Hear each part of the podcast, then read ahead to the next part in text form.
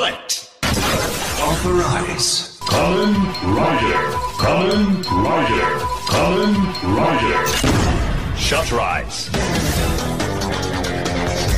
Shooting Motherfucker. The elevation increases as the bullet is fired.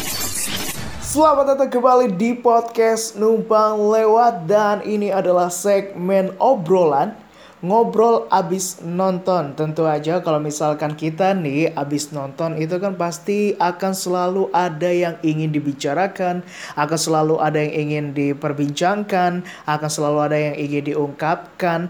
Maka kalau misalkan sesuatu yang ingin dibicarakan diperbincangkan dan juga diungkapkan itu semakin lama semakin ditahan kan itu kan rasanya jadi hmm gitu ya. Jadi tidak ada salahnya dong kalau misalnya kita obrolin baik-baik Oke, Kamen Rider Zero One episode 2. Kalau misalkan di episode pertama kita lebih apa ya dikasih tahu atau diperkenalkan tentang tokoh-tokoh yang juga karakternya karakternya seperti apa. Tapi di episode kedua kali ini eh, ini cukup menarik karena kita sudah mulai diperlihatkan eh, apa saja yang mungkin nanti akan terjadi di episode-episode selanjutnya. Karena banyak sekali misteri-misteri yang bikin kita penasaran sehingga kita pengen nonton terus serial ini. Tapi di episode kedua kali ini juga kita diperlihatkan tentang konflik sebetulnya yang terjadi di serial ini. Jadi konfliknya itu adalah ada human gear yang mana eh, ini dianggap oleh sebagian pihak adalah mereka sebetulnya adalah yang memusnahkan manusia. Mereka adalah ancaman bagi manusia. Yang mana ini dianut pendapat ini oleh si second Kamen Rider, si Kamen Rider Vulcan atau Fua Isamu yang berpendapat bahwasanya human gear adalah mereka itu ancaman manusia, mereka itu yang membunuh manusia dan mereka yang ngamuk ini nih human gear yang kemarin dari episode 1 ngamuk adalah memang benar-benar yang akan merugikan manusia.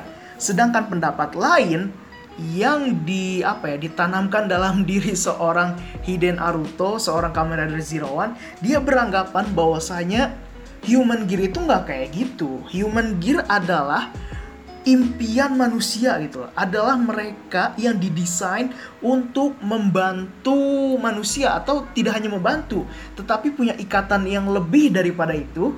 Di sini bisa dilihat di episode 2 karena uh, ada satu human gear namanya Mamoru yang dia ngebantuin untuk mengusir human gear yang uh, sedang ngamuk itu.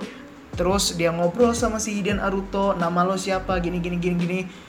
Lo Terima kasih kata si Hiden Naruto sudah menyelamatkan uh, membantu kita. Mulai sekarang lo adalah keluarga gua gitu kata si Hiden Naruto.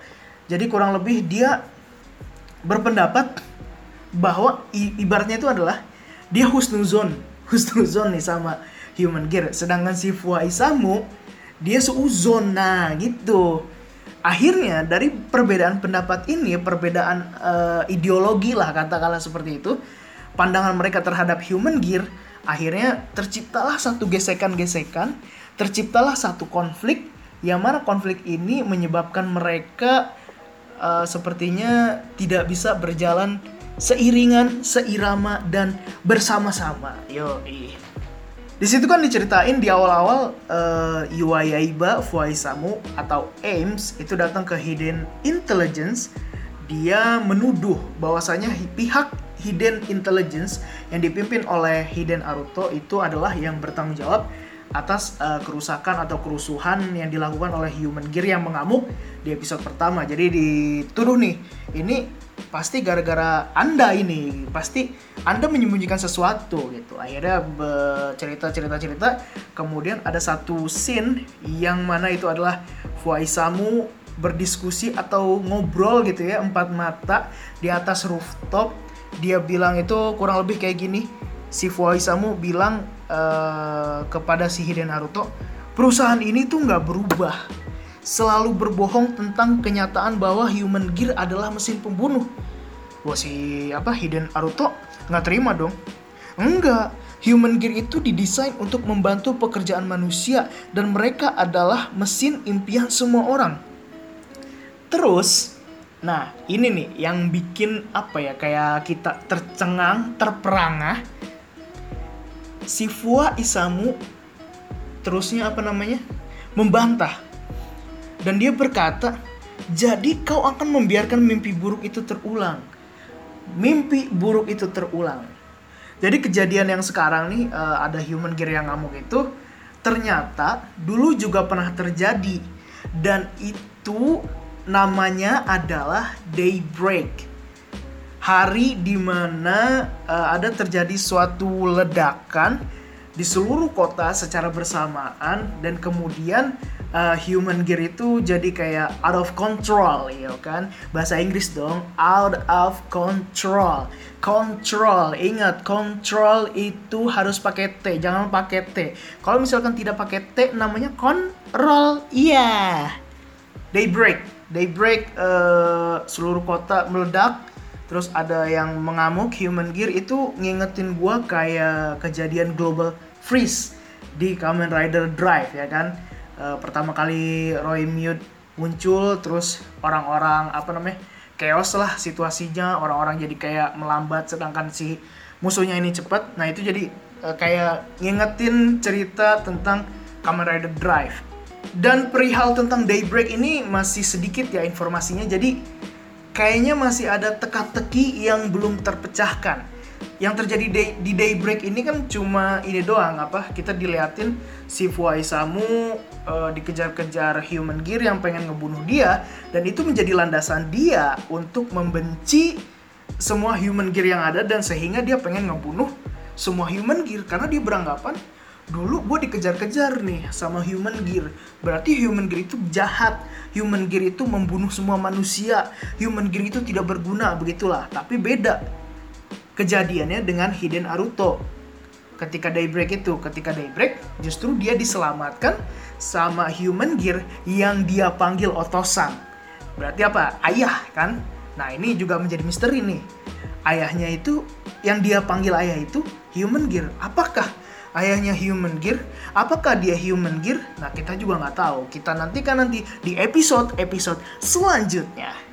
Nah ini kurang lebih apa ya namanya konfliknya. Konfliknya ya sebetulnya beda pendapat aja sih. Tapi meskipun berbeda pendapat ya kan si Hiden Aruto berpendapat bahwa human gear adalah sesuatu yang baik. Husnuzon nih dia husnuzon berprasangka baik sedangkan si Fuaisamu berprasangka buruk ini adalah pembunuh manusia, ini adalah itu, ini adalah ini, dia benci gitu ya.